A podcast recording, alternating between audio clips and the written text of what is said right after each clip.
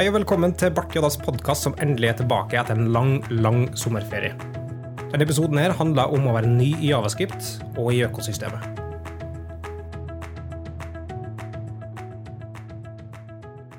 Da er vi endelig tilbake etter en lang sommerferie her i, i Bart Joddas podkast. Og vi er så heldige at vi har fått med oss en ny fast panelist. Det er en uh, kjent stemme for dem som har hørt uh, tidligere episoder, og det er du, Kristian. Ja, nei, det er kjekt å få, få endelig få være med på permanent basis.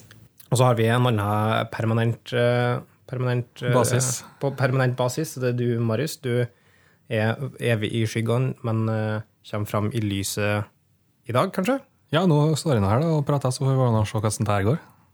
Og så er det meg, Mikael Breivik, som er host. Og vi har med en gjest som skal være med vår og snakke om å være ny i Javascript i dag. Og det er du, Mats. Har lyst til å introdusere sjøl? Ja, jeg heter Mats. Jeg har jobba i omtrent et år nå. Eh, Jeg har bakgrunn fra telematikk, så jeg er egentlig ikke utdanna webdesigner eller webutvikler.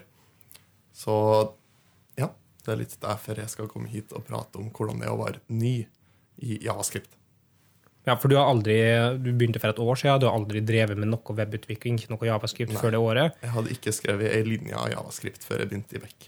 Begynte du da rett på å skrive Javascript, eller eh, er det noe du har eh, gjort etter hvert? Altså, hvor lenge har du skrevet Javascript?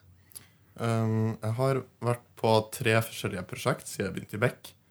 Um, og alle tre prosjektene har egentlig omhandla uh, involvert Javascript på en, et eller annet vis. Så jeg har toucha innom diverse rammeverk og biblioteker i løpet av den perioden. Altså, grunnen til at vi spor det om du ville være med på denne episoden her, er at eh, så du hadde litt erfaring med programmering, men ingen erfaring med Javascript-utvikling.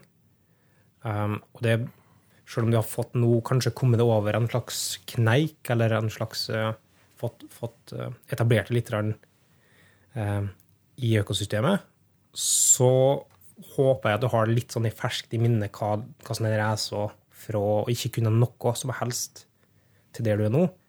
Og, og rett og slett bare at vi kunne snakke litt om det.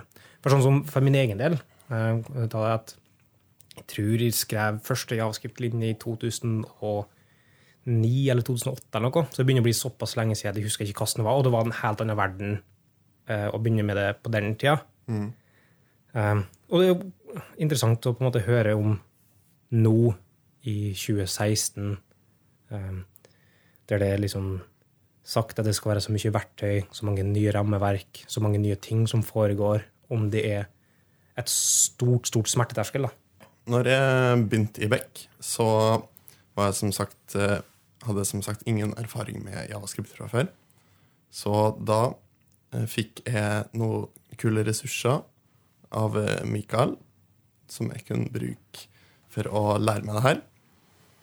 Så da var det egentlig bare å hoppe i sjøen og svømme så godt jeg kunne for å prøve å lære det så bra som mulig. Første store utfordringene var jo kanskje da å at det er på en måte veldig mye å svelge på en gang. Det er veldig mange forskjellige biblioteker der ute.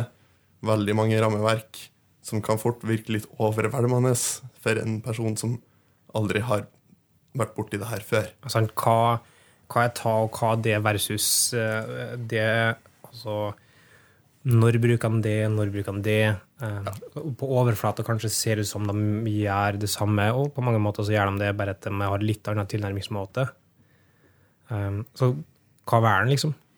Ikke sant? Det er jo det som er det store spørsmålet. Jeg satt og kikka litt på den første koden jeg skrev her om dagen.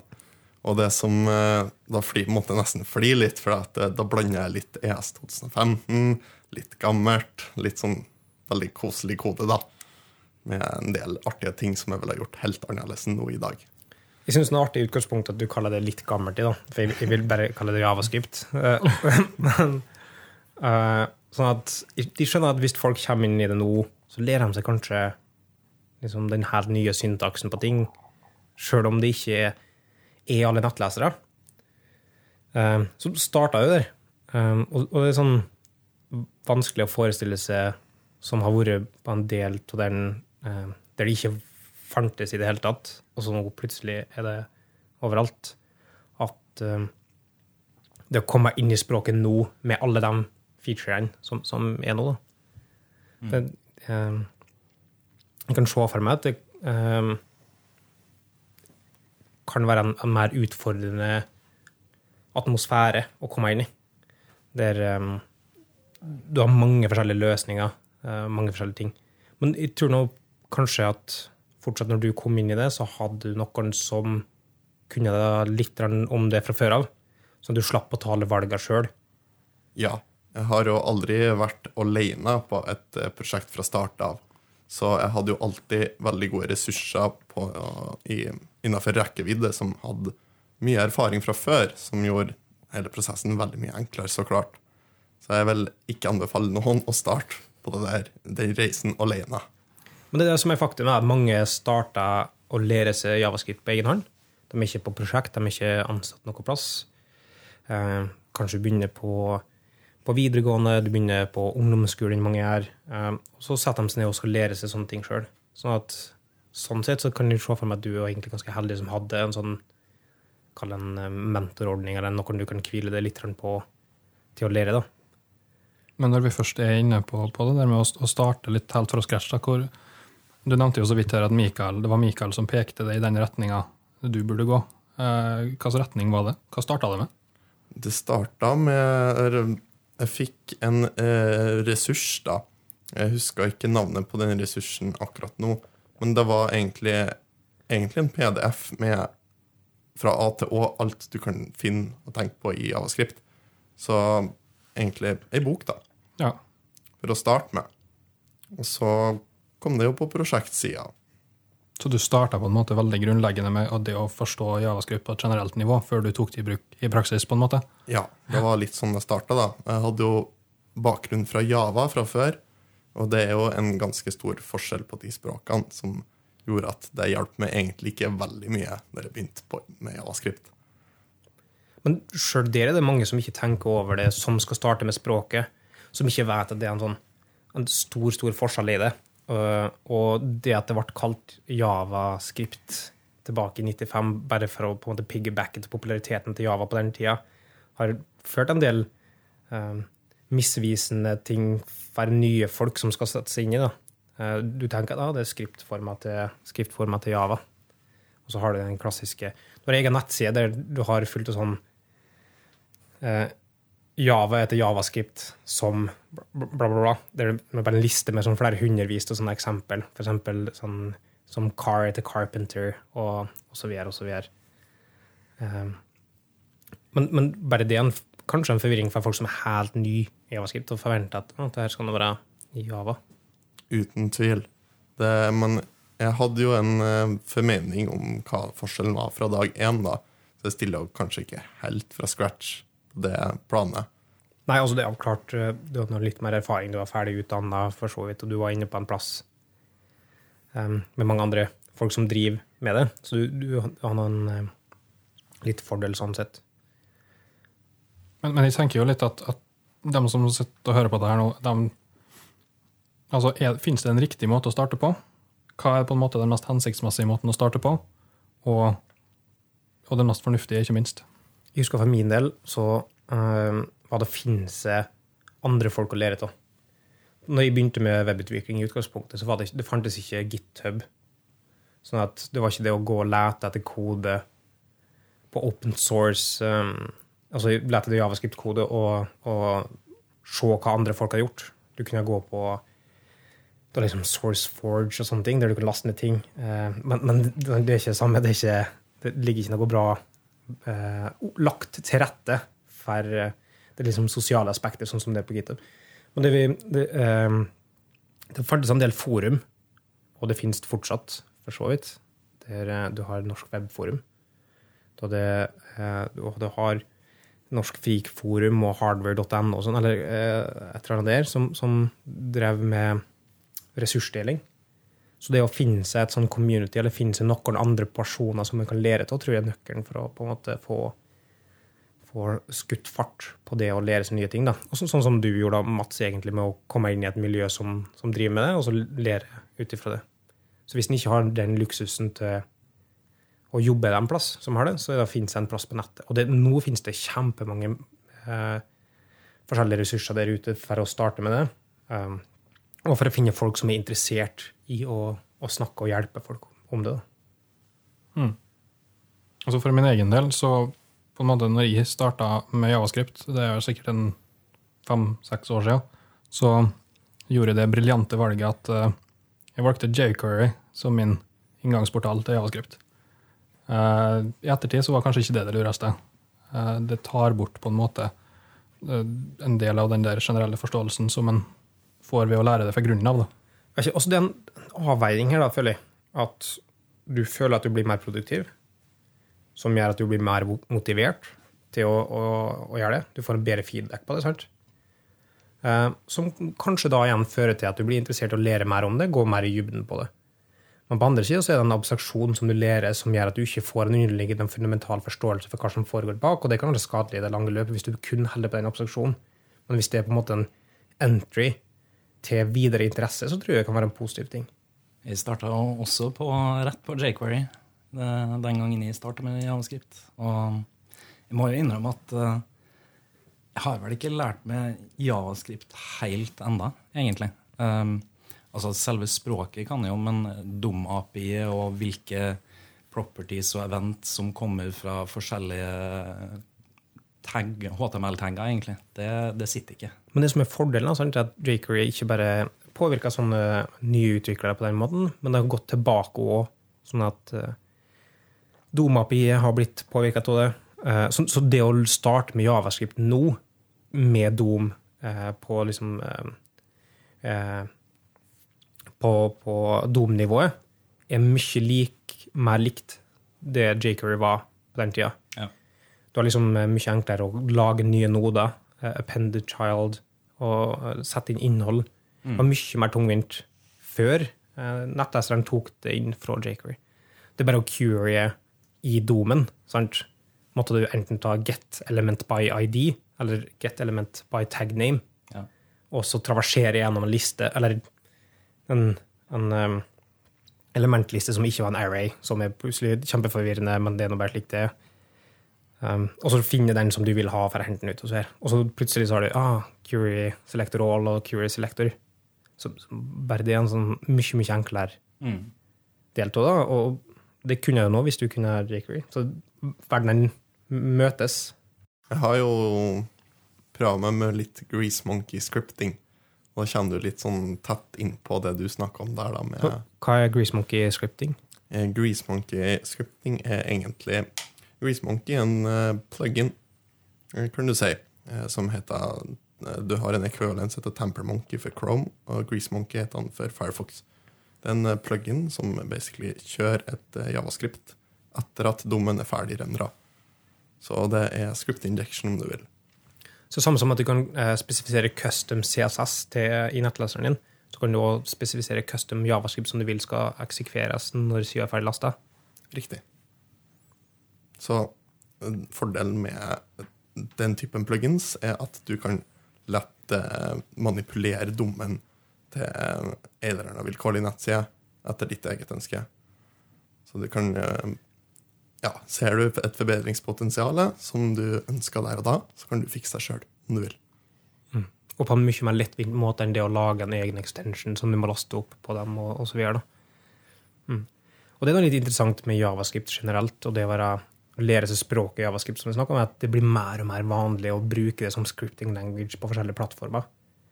At etter MacOS, eh, etter forrige oppdatering, var det, så er de gått vekk fra å kunne være AppleScript til å være AppleScript og javascript. Du scripter eh, Office 365 med javascript. Um, du, ja, du, kan, du kan kode det meste i javascript nå til dags. da. Mm. Um, og det er interessant, for da tror jeg at med å lære seg det språket, så kan en utnytte det på mange forskjellige, mange forskjellige plasser. Og du kan få liksom mye bang for the buck. Med det. Absolutt. Det er en veldig, veldig fin plass å starte, hvis en, altså spesielt hvis en ikke har vært inne i programmering før. Og det var noen her som starta med javascript som første møte med programmering. Nei, dessverre ikke. Eller det var sånn flesteparten var PHP som var tingen? Dessverre, ja. Det var PHP. her. For min del så var faktisk det første jeg møtte, det var ISP og ISF. eh, Som er ganske utdaterte føler du, føler i du, dag. føler du vinner den, eh, den smerte delinga her. Um, du kan si mye, mye om PHP, men det er ingen JSF.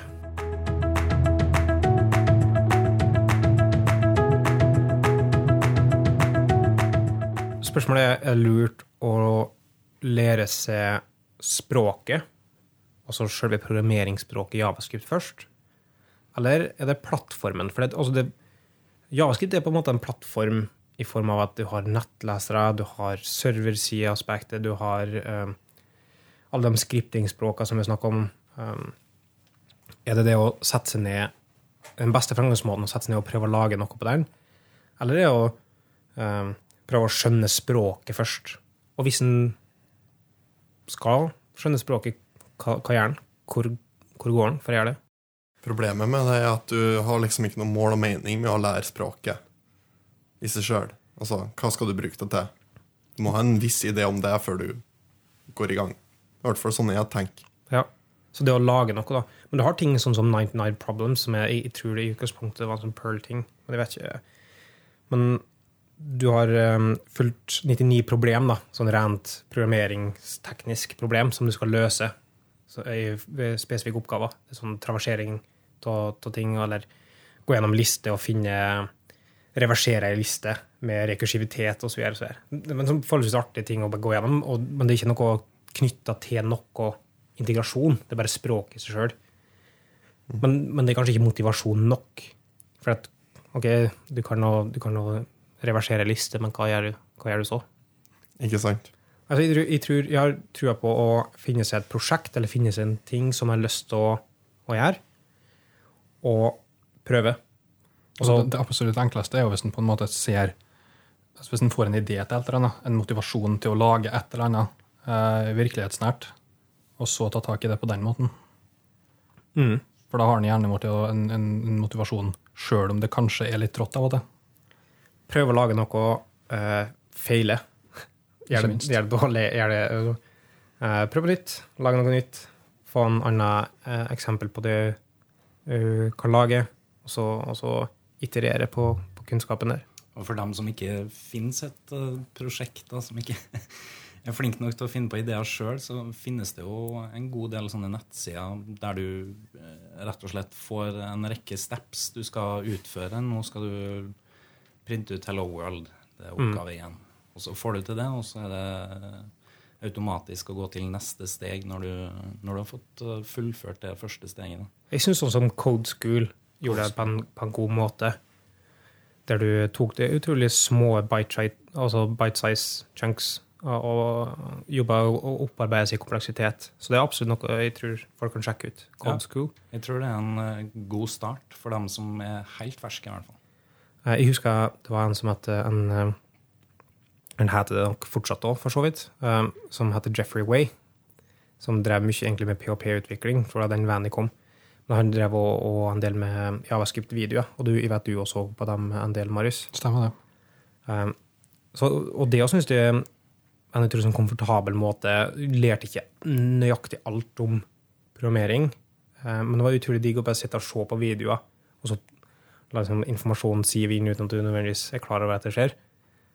Og nå, i dag, så har vi mye, mye mer sånne ressurser. Du har eh, Frontend Masters, du har egg, eh, eggheads.io. som- Egghead. Egghead, ja. Ja. Eggheads er Hva er det? Coneheads var jeg tenkte på nå. Filmen. fra oss her. Um, men Egghead, ja. De, de kommer ut med mye, mye materiale. Ja, både Eh. gratis og betalt. Ja, absolutt. Vi har snakka om det litt tidligere, både med RX har vært her. eh, Redux tror vi kanskje har snakka om at det har vært her. Liksom. Ja, sånn. det, det er litt av alt. Alt fra vanlig plain javascript til eh, bibliotek som Angular og eh, React og så Mm. videre. Og så har du eh, litt større ting, sånn som Plural Site. og, det er litt dyrere kanskje igjen, da, men litt sånn omfattende kursing. Og, og mange sånne interessante ressurser ute der på det. Mm. Pluralsight er jo veldig flink til å ta ting helt eh, basic, og har ofte lange kurs. da. De er, der er de forskjellige fra Egghead, for Egghead har type ti minutters videoer, mens uh, Pluralsight der er det fire timers kurs ofte. Så sånn for min del så føler jeg at det viktigste er å se resultatet av det du gjør.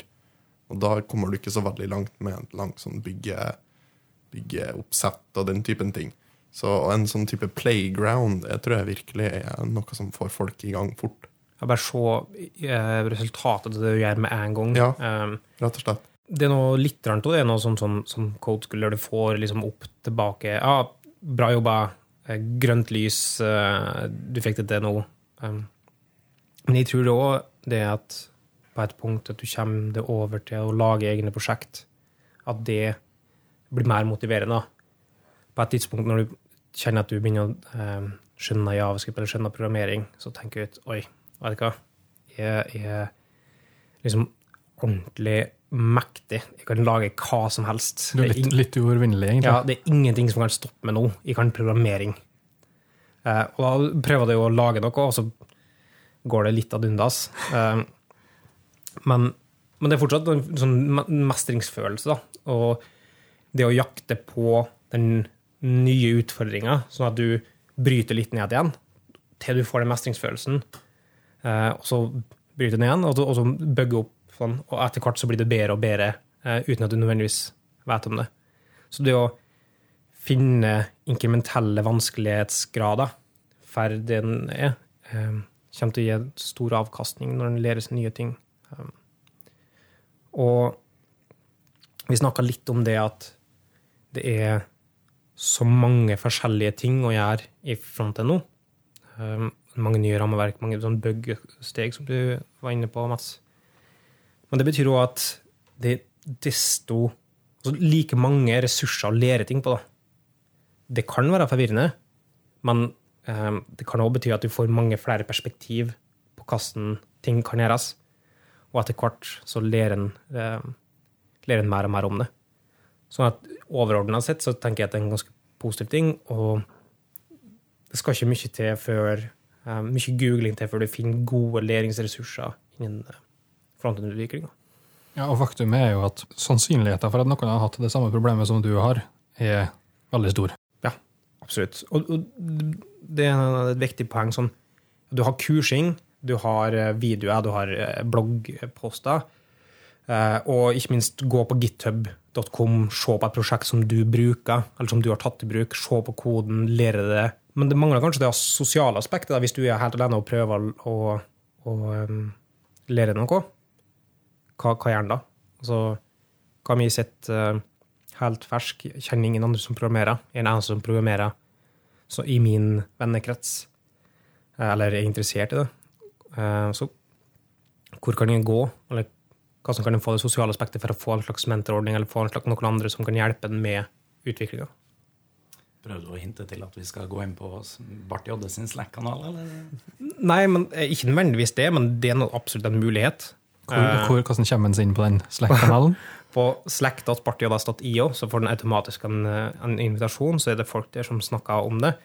Men det var egentlig ikke det jeg, jeg tenkte på, men, men litt i den gata. da. Det, for det finnes mange Slack communities, eller Slack teams, der du kan snakke eh, med folk. Blant annet eh, jeg, regner med at det finnes mange innenfor de eh, rammeverkmiljøene, eh, en, en som jeg kjenner til, Reactive Flux, som er liksom for heller um, React-communityet. Der er det tusenvis på tusenvis av folk. Jeg tror det er sånn 5000 medlemmer. ok? Og alle er i utgangspunktet på sånne kanaler for å lære sjøl og lære vekk andre. Og det er en sånn miljø til at når um, alle kommer gjennom som utviklere med å lære fra andre, så derfor vil folk som regel gi tilbake til nye. Og det å gå på sånne, sånne plasser og bare spørre folk, det gir utrolig eh, god avkastning, tror jeg. Jeg får regelmessig e-poster der bare folk sier eh, Du, jeg lagde den tingen her. Hva syns du om det? Mm. Eh, det er ikke bestandig jeg svarer, men av og til svarer jeg. Og det er bare å prøve å sende det til folk. Jeg tror de fleste store rammeverkene begynner å få sine egne sånne chattekanaler, om det er Slack eller om det er noe annet, så har de som regel en åpen kanal der alle kan eh, bidra. Og det er stor aktivitet på disse kanalene. For ikke glemme IRC, som fortsatt eksisterer i aller høyest grad. Og, og Freenode, sånn store programmeringsnettverket. Da. Det er mange forskjellige kanaler til mange forskjellige uh, prosjekt, så det går an til å gå inn. Vi kan, vi kan jo gjøre et lite forsøk på å eh, samle ressurser eh, under denne episoden her. Det vil, det vil, ligge i Vi har et arkiv over alle episodene på bartidas.io. Eh, der er det oppsummert alle lenker til ting som vi nevner. Uh, I tillegg til hvordan du kan ta kontakt med, med, oss hvis det er noen spørsmål. Um, og, og, så vi kan samle alle ressurser uh, på den. Og da bare gå inn og så se på noe som er interessant, og, og, og så teste ut. Og så hvis det er noe, hvis det er noe gode ressurser som dere lyttere har, så er det bare å, å sende inn det som en kommentar der, så skal vi legge det til lista.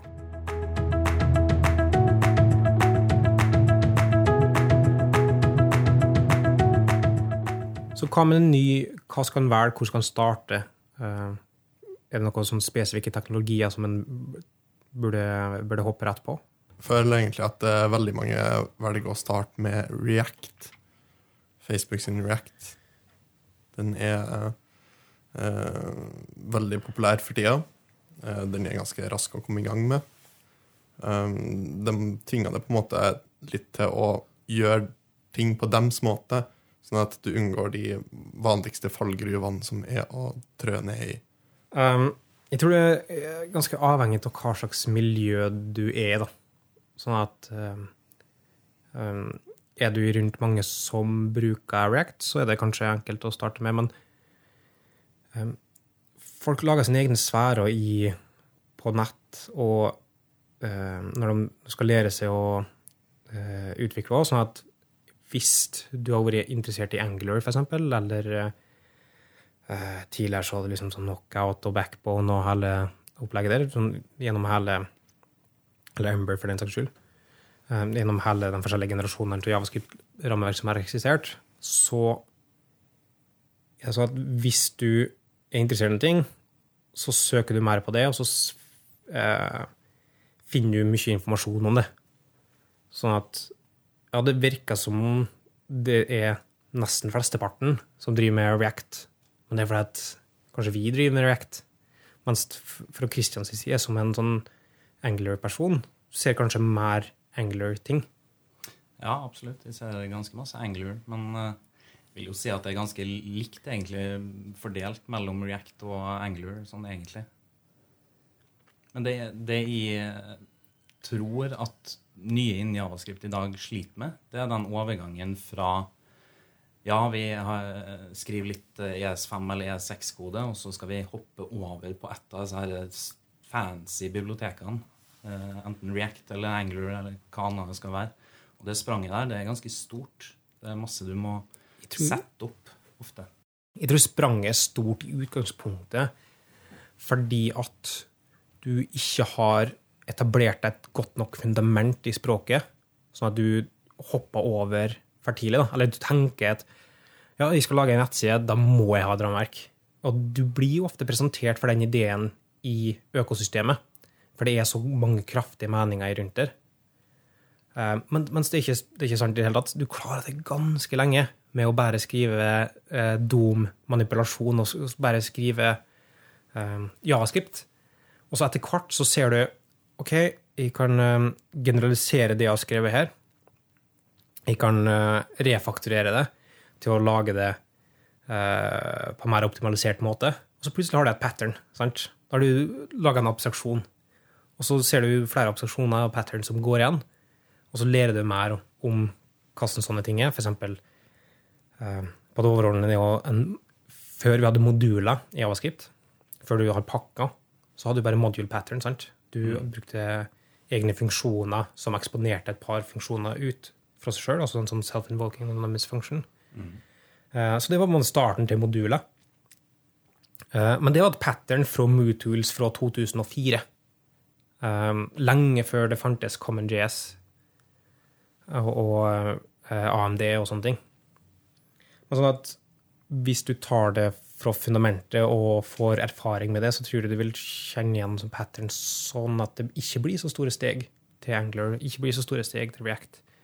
Og ikke minst identifisere er det behov for det. Ja. Jeg tror du, du blir jo lurt inn på et, eh, et eller annet form for bibliotek eh, så snart du er innom Stack Overflow, f.eks. Så er det jo der er jo alltid ti svar som sier at du må bruke jQuery eller eh, Mm. underscore eller Absolutt. Lodash eller Jeg tror nok flere av oss har sett det screenshot av den der fake Stack Overflow-posten der det er en som spør hvordan han skal legge sammen to tall i javascript, og det øverste svaret er at du må ta i bruk jQuery.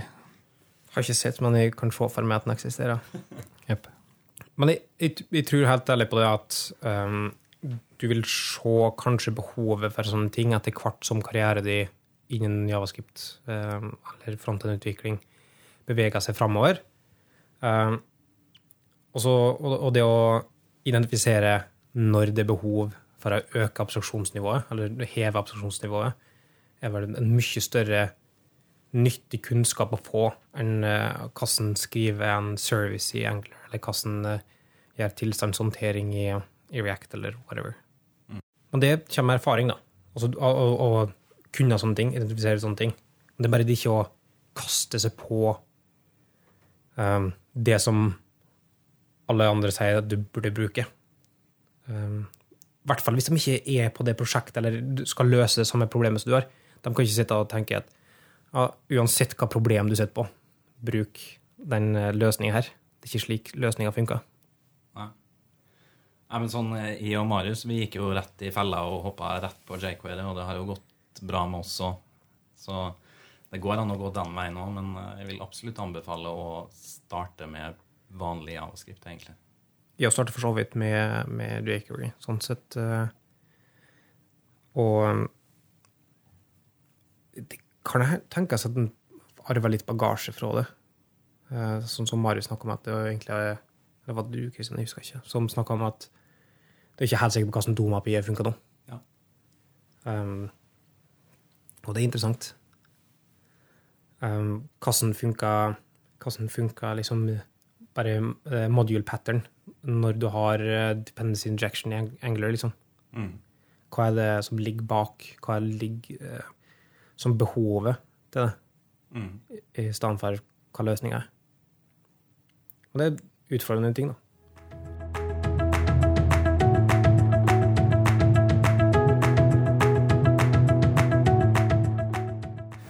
Ja, Mats. Eh, hittil så har vi jo egentlig bare snakka om starten din. Hvordan har det gått siden du starta med den der PDF-en? Ja, det har jo vært en interessant reise, da, der jeg har vært på tur gjennom eh, tre forskjellige rammeverk. Eh, Det starta med React. Det er vel kanskje mer et bibliotek. Um, og så kom jeg over på Backbone, en ganske gammel versjon. 092, hvis jeg ikke husker helt feil. Um, og der var jo ting eh, litt utfordrende å komme i gang med, for å si det mildt. Um, etter der så kom jeg over på Knockout i lag med Durandal. Og det er det du jobber på nå. Du jobber på et ganske sånn heavy frontend-prosjekt, så så vidt jeg skjønte. At, jeg har snakka med, med deg litt tidligere. her. det er mye som skjer. Det er eh, en ganske moderne eh, opplegg. Mye frontend-kode, så vidt jeg har skjønt. Det stemmer.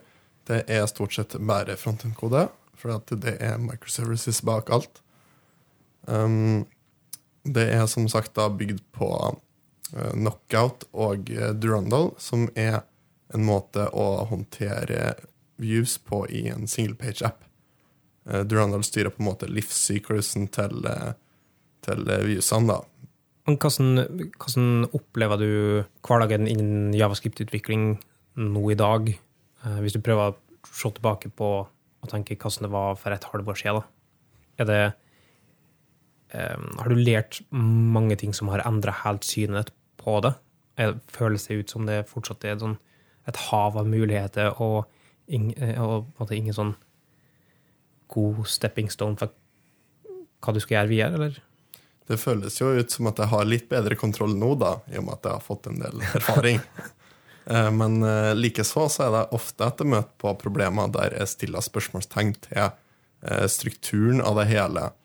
Um, Jeg sliter eh, støtt og stadig med eh, hva skal ligge i Vue-modellen din, hva skal ligge i modellen din. Um, hvordan er alt knytta opp mot dommen. Um, noe at føler har en veldig sånn klar måte å gjøre det på, uh, pga. at det er two-way binding. Så Det er noe litt interessant i seg selv, at du vet ikke altså, hvor skal du plassere viewmodel, hvor skal du plassere, hva skal du plassere viewmodel og, og, og model og, og så videre. Um, for at jeg vil påstå at vi ser en utvikling i typen uh, arkitektur eller typen patterns i frontend-programmering mot i dag, som er, går vekk fra MVC, går vekk fra MVVM og sånne ting. Sånn at det er kanskje noe Når det ble store klientapplikasjoner uh, og mye kode, så så de vi har behov for å strukturere det på en måte. Og så tok de det måten de gjorde det på utafor Javascript før, og så prøvde å, å gjøre det med i Javascript-verden. Og det ser du i, i ting som eh, første Angular, du ser det i Backbone, du ser det definitivt i Knockout. Uh, og da Durandal, som er uh, samme opplegget som Angular, mer eller mindre. Men nå, med Angular 2, med Ember sin Glimmer Engine-opplegg med inkrementell dom, og React, og så etter sånn et slags paradigmeskifte, pun intended, um, fra 2013 så har det gått vekk fra denne MV-tankegangen, og så er det heller kanskje datastrukturer som går nedover et tre og propagerer og viser ut i viewet. Og det er den veien det går i Angler 2 òg, så vidt jeg skjønte. Der du har liksom komponenter som er, som er, views som opererer på en data. Det er ikke nødvendigvis sånn utrolig mye um, view models, og det er ikke kontrollere i samme grad som det var før, eller? Ja, det, det er korrekt. Uh, og du har liksom den der Anvex-flyten. Uh, Ja. Det ligner masse mer på, på React enn en Ja. Angler 1. For det mener jeg at du har, De har endra seg til å bli en, en litt annen form for arkitektur, da, og ikke, ikke en sånn MVC-tankegang. Um, og, og det tror jeg er kanskje fordi de ser at den, det pattern ikke passer så bra til frontend-utvikling på den måten. Og så er det litt med liksom vekst av eh, popularitet til funksjonell programmering som har begynt å komme mer i frontenden osv. Men jeg tror nok mange andre òg har kjent på den smerten med at ah, hva skal jeg uh, hva skal i view-modellen? Hva skal i ditt? Hva skal i datt? Eh, til mer sånne fastsatte labels med ting du har sant? fra layered arch- architecture og sånn fra, fra tidligere òg. At blir så opphengt at du skal inneholde den delen i applikasjonen din. At du tilpasser det problemet du har, til den måten å gjøre det på. Eh, og det ser vi at vi går mer vekk fra i, i frontend-verden. Det betyr kanskje at det er vanskeligere å starte med, for du må ta mer valg sjøl. Men jeg tror at i det lange løp så vil det bli enklere, fordi at du um, går fra A til B Um, mye mer direkte, i stedet for å måtte ha sånn fullt av layers of indirection og, og, og så videre. Eh, Så jeg, jeg, tror at sånne ting blir enklere med, eh, etter hvert med den nye generasjonen rammeverk eller nye generasjonen arkitektur som, som vi har nå. Jeg har et eh, lite råd til de nye der ute som skal inn i den verden her. Og eh, det er at ikke mist motet, sjøl om at eh, ting kan virke veldig overveldende. At det er mange ord og uttrykk dere ikke kan. Um, det er ingen spørsmål som er for dum, så dere må for all del uh, våge å spørre.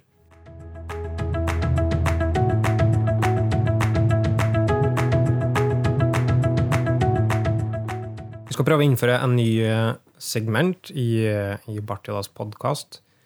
Ikke ulikt eh, mange andre podkaster, så skal vi gi muligheten til de panelistene som er, både faste og, og gjester, å komme med forslag til, til ting som de har sett i det siste, eller sett en gang, som, som de syns er eh, fascinerende eller interessant, eh, og anbefale det til, da, til dem som hører på. Vi kan starte med det, Marius. Har du noe å, å, å anbefale? Ja, altså, jeg tenkte jeg kunne starte med det. da, at Jeg satt og surfa litt rundt på internett her om dagen, sånn som jeg, sånn som jeg pleier å gjøre, og så så jeg en tweet her. Der det var en som eh, lanserte det han kalte for Open Source Initiative. Jeg kjenner han. Var det du som skrev den tweeten? Ja, det det. Ja, det var det. Kanskje du kan fortelle litt mer om hva det egentlig handler om? da? Uh, jeg ble litt satt uh, jeg har litt uh, satt i spotlighten nå, men vi, vi kan prøve. Så det, litt med den eh, Vi har diskutert litt den i dag med å finne folk som er kanskje mer erfarne, og, og, og starte en dialog. Og um, få erfaringer delt av andre, andre folk. Og det har sett, at mange som er eh, involvert og har drevet med programmering en stund, har mange ideer til hva de kan lage. Det, det, det, liksom- det er liksom ikke en eh, begrensning i muligheter til å lage, men det er heller en begrensning at du har så mange andre ting som foregår, ting som tar høyere prioritet, at du rett og slett har ikke tid til å implementere det. På andre sida er det mange ferske, nye folk som, som har lyst til å bli eh, involvert i open source, har lyst til å bli involvert i programmering mer, men de vet ikke helt hvor de skal starte. Um, så da var tanken min å bare lage et repo med fullt av lister av forslag til ting folk kan lage. At de som har overflod av ideer som de ikke har tid til, Poste dem der. Det er ikke noe vits i å sitte og, og ha dem for deg sjøl og skjule det for dem sjøl. Men, men heller ha at ideen i tillegg er open source, og at det ikke er sånn at det er en eierskap til de ideene. Eh, Og da at folk som er interessert i å utvikle noe, kan dra dit. Bare ta en, en av posterne, ta en av issuen, og så implementere det.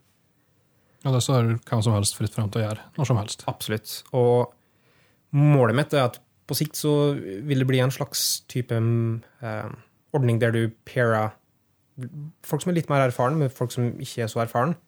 For når du da tar et sånn prosjekt, så kan du stille spørsmål på, på comment-threaden på, på GitHub og stille eh, hva som skal gjøre det her, eller har du noen tips? Eh, og så kan du få kanskje litt veiledning etter hvert, og da får du på en måte automatisk eh, matcha opp folk som kan være interessert å lære av hverandre. Mm. Men kanskje en ideologisk eh, tilnærming til det, men foreløpig så ser det ut som folk er interessert i ideen, i hvert fall. Ja, Mitt inntrykk er at det er mottatt med åpne armer av dem som er aktive der. Mm. Og det er jo aktivitet der allerede. Det har jo bare vært aktivt i tre dager, så vidt vi vet, når vi spiller inn her. Uh, ja, stemmer. Jeg kan, ta, jeg kan kjapt ta den andre pikken min nå. Eh, skal ikke greie ut så forferdelig mye om den, men uh, Nei, det ble litt mye, ble litt mye self-promotion. det. Nei da, det går fint, det. Men uh, paperplanes.world uh, kan jeg anbefale å sjekke ut. Det er en liten webapp på telefonen din der du får ditt eget lille papirfly som du kan brette. Og så kan du med gyroskopet i telefonen sende det ut i verden. Uh, og når du har gjort det, så kan du fange andre sine papirfly og sette ditt eget lille poststemp på det og sende det videre ut i verden.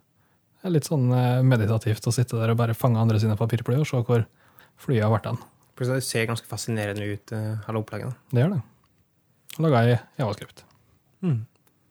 Kristian, har du noe, noe pics å anbefale? Eh, ja. Det, det er jo ganske lenge siden vi har hatt eh, forrige talk nå. Og i løpet av den tida så har det skjedd eh, masse i javascript-verden. Eh, blant annet så har Angler 2 kommet ut i en endelig versjon. Yay! Ja, det har jeg helt glemt å, å, å adressert på noen slags helt måte. Ja. Endelig så har det, har det skjedd. ja. Og ikke minst, det er ikke lenge til Angular 3 kommer ut heller. Nei, 2.1 har kommet ut allerede, Oi, oi, oi. faktisk. Jeg var, den dagen det kom ut, så var jeg tuller ikke så eh, rett med å bestille domenet eh, Is Angular released yet? Samme som Har mannen falt? Bare at det skulle stå da om, om eh, Angular ble releasa. Men jeg sparte nå for de, for de pengene. da. Ja, nei, så min, min anbefaling er egentlig å ta en kikk på angler.io. Der eh, er det veldig masse god dokumentasjon. Um, og stort sett all dokumentasjonen har tilhørende eksempelkode som du bare kan åpne opp i nettleseren din og herje fritt med. Vi har en eh, anbefaling som er, som er faktisk er i bok. Um, mens vi snakker om det her, så er vi inne i de siste dagene av en crowdsourca crowdsourca kampanje av Kyle Simpson sin nye bok. Kyle Simpson er den som står bak uh, You Don't Know JavaScript-serie, som er en seksboksserie med utrolig sånn in-depth detaljer om javascript, og absolutt verdt å lese i seg sjøl, så det kan være et, et, en anbefaling der. Den eh, nye boka hans, som uh, heter Functional Light JavaScript, en tilnærming for folk som ikke nødvendigvis er matematisk, eh, eh, matematisk interessert til å lære seg mer om funksjonell programmering. Da. Så det er, ikke, det er liksom ikke fokus på hva en monad er, hva en monoid og hva er applicative, applicative functors og, og, type theory og sånne ting, men mer en, en, en praktisk tilnærming til problemet, så, så med javascript i fokus. Så den, kommet, den ligger ute på GitHub nå, så langt den har kommet. Um, så, jeg bare begynt å lese litt inn for å se hva som foregår. Uh, og den ser ganske bra ut nå for, for, folk som er interessert i å komme inn i den funksjonelle verden, uh, men kanskje ikke er helt uh, på, på, sånn statisk, uh, funksjonelle språkplanet. Den boka tror jeg jeg må lese. For uh, i dette av med en gang det blir snakk om litt uh, avansert uh, funksjonell programmering. Da er rett av. Og så Han har en evne til å det, beskrive ting på en utrolig fin og detaljert måte som, som er fin å lese. Så, så, jeg tror absolutt det kan være en interessant bok for folk som er sånn som du og, og Ida. Helt til slutt, Mats, har du hatt med deg noen anbefalinger til bordet? Ja, det har jeg. Um, min anbefaling er å se på Track JS. Um, det er et uh, fantastisk lite bibliotek for å basically finne feil i avskriften din. Du integrerer TrackJS med applikasjonen din, og så får du tilgang til dems nettside, hvor du kan se trending errors, top errors og lignende. Der får du full oversikt over alle feilene som oppstår i din applikasjon, og du kan rette dem med en gang. Det var det for den episoden her. Jeg vil gjerne takke eh, særlig Mats, som eh, stilte opp og snakka om, om eh, hvordan det er å være ny i avskrift, og selvfølgelig Kristian og Marius som faste panelister. Vi har snakka litt om det. Partidas har sin egen Slack-kanal, eller Slack-team, som går på slack.partidas.io for å bli medlem av det, og der kan du stille våre spørsmål du kan snakke med andre som er interessert. Det begynner å bli litt eh, samtaler som er interessant, og diskusjoner om javascript generelt. I tillegg så har vi eh, lansert en ny nettside som er bartjodas.io. Der er det oversikt over alle podkastepisoder med notater. Vi har òg et par bloggposter som er interessant å lese som står med, med podkasten sånne ting. Um, så gå dit og, og sjekk ut. Og så kan du da kontakte vår via dem siden, hvis det er noen spørsmål generelt om podkasten, eller ting vi burde snakke om, uh, ting vi har sagt feil, uh, ting du er enig i, og, og sånne ting. Um, så, og det kan du også sende på Twitter på at underscore Bart Judas. Takk for at du hørte på. Så høres vi i neste episode.